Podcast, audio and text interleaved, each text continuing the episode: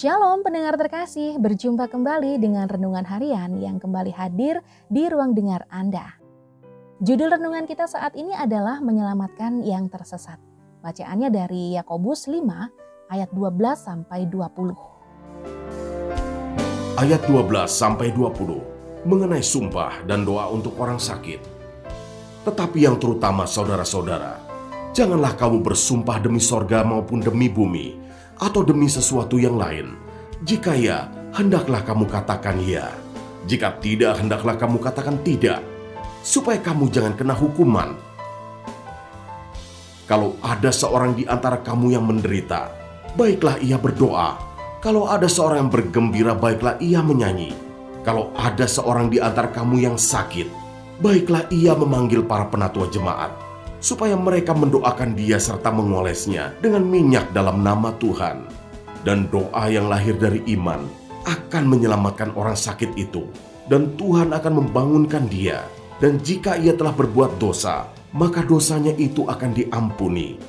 Karena itu hendaklah kamu saling mengaku dosamu dan saling mendoakan supaya kamu sembuh. Doa orang yang benar bila dengan yakin didoakan sangat besar kuasanya. Elia adalah manusia biasa sama seperti kita, dan ia telah bersungguh-sungguh berdoa supaya hujan jangan turun, dan hujan pun tidak turun di bumi selama tiga tahun dan enam bulan. Lalu ia berdoa pula, dan langit menurunkan hujan, dan bumi pun mengeluarkan buahnya. Saudara-saudaraku, jika ada di antara kamu yang menyimpang dari kebenaran, dan ada seorang yang membuat dia berbalik, ketahuilah bahwa barang siapa membuat orang berdosa berbalik dari jalannya yang sesat, ia akan menyelamatkan jiwa orang itu dari maut dan menutupi banyak dosa.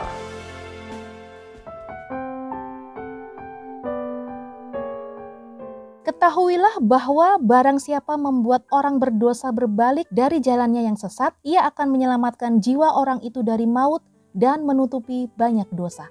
Yakobus 5 ayat 20 Pendengar terkasih, kita harus terus memelihara iman kepada Yesus. Sebab jika tidak, maka kita bisa kecewa kepada Yesus karena sering kali keinginan Yesus tidak sesuai dengan keinginan kita. Rasa kecewa tersebut pada akhirnya membuat seseorang meninggalkan Tuhan dan tanpa disadari menuju pada kebinasaan. Orang-orang yang demikian terkadang berada di sekitar kita dan yang menjadi pertanyaannya adalah, apakah kita masih memiliki belas kasihan kepada mereka? Jika belas kasihan itu masih ada, maka tugas kita adalah menolong mereka untuk kembali kepada Tuhan. Tentunya hal tersebut tidak cukup hanya dengan mendoakan saja. Harus ada tindakan konkret atau nyata dari kita dengan cara membagikan kasih Allah kepada mereka supaya mereka sadar bahwa Allah juga mengasihinya.